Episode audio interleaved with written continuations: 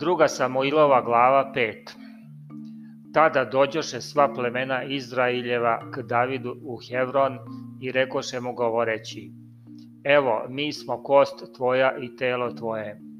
I pre, dok Saul beše car nad nama, ti si odvodio i dovodio Izraelja i gospod ti je rekao, ti ćeš pasti narod moj Izraelja i ti ćeš biti vođ Izraelju.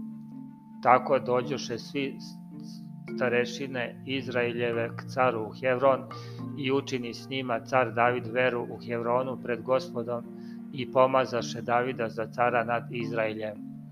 30 godina beše Davidu kad se zacari i carova 40 godina. U Hevronu carova nad Judom 7 godina i 6 meseci, a u Jerusalimu carova 33 godine nad svim Izraeljem i Judom.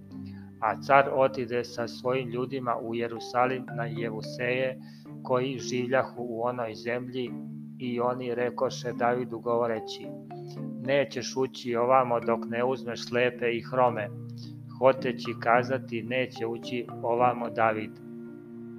Ali David uze kulu Sion, to je grad Davidov, jer reče Davidu onaj dan, kogod pobije Jevuseje i dođe do jaza i do slepih i hromih na koje mrzi duša Davidova, biće vojvoda, zato se kaže slepi i hromi da ne ulaze u ovu kuću.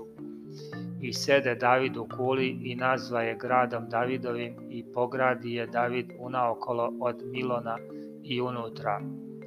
I David jednako napredovaše jer gospod Bog nad vojskama beše s njim.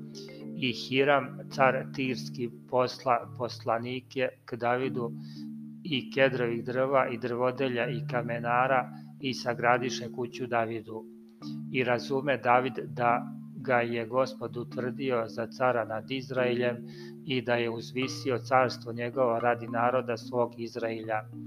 I uze David još inoča i žena iz Jerusalima, pošto dođe iz Hevrona i rodi se Davidu još sinova i kćeri.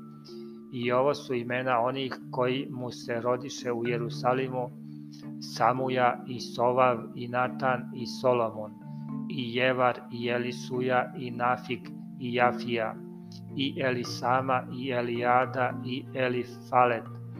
A Filisteji čuši da su pomazali Davida za cara nad Izraeljem, iziđoše svi Filisteji da traže Davida, a David čuši to otide u kulu. I Filisteji došavši raširiše se po dolini Rafajskoj Tada David upita gospoda govoreći, hoću li izaći na Filisteje, hoćeš li ih dati u moje ruke? A gospod reče Davidu, izađi, doista ću dati Filisteje u tvoje ruke. Tada David dođe u Val Ferasim i pobi ih onde i reče, prodre gospod neprijatelje moje predamnom, kao kad voda prodire. Otuda se prozva ono mesto Val Ferasim i ostaviše onde lažne bogove svoje, a David i ljudi njegovi odnesoše ih. I opet nanovo dođoše Filisteji i raširiše se u dolini Rafajskoj.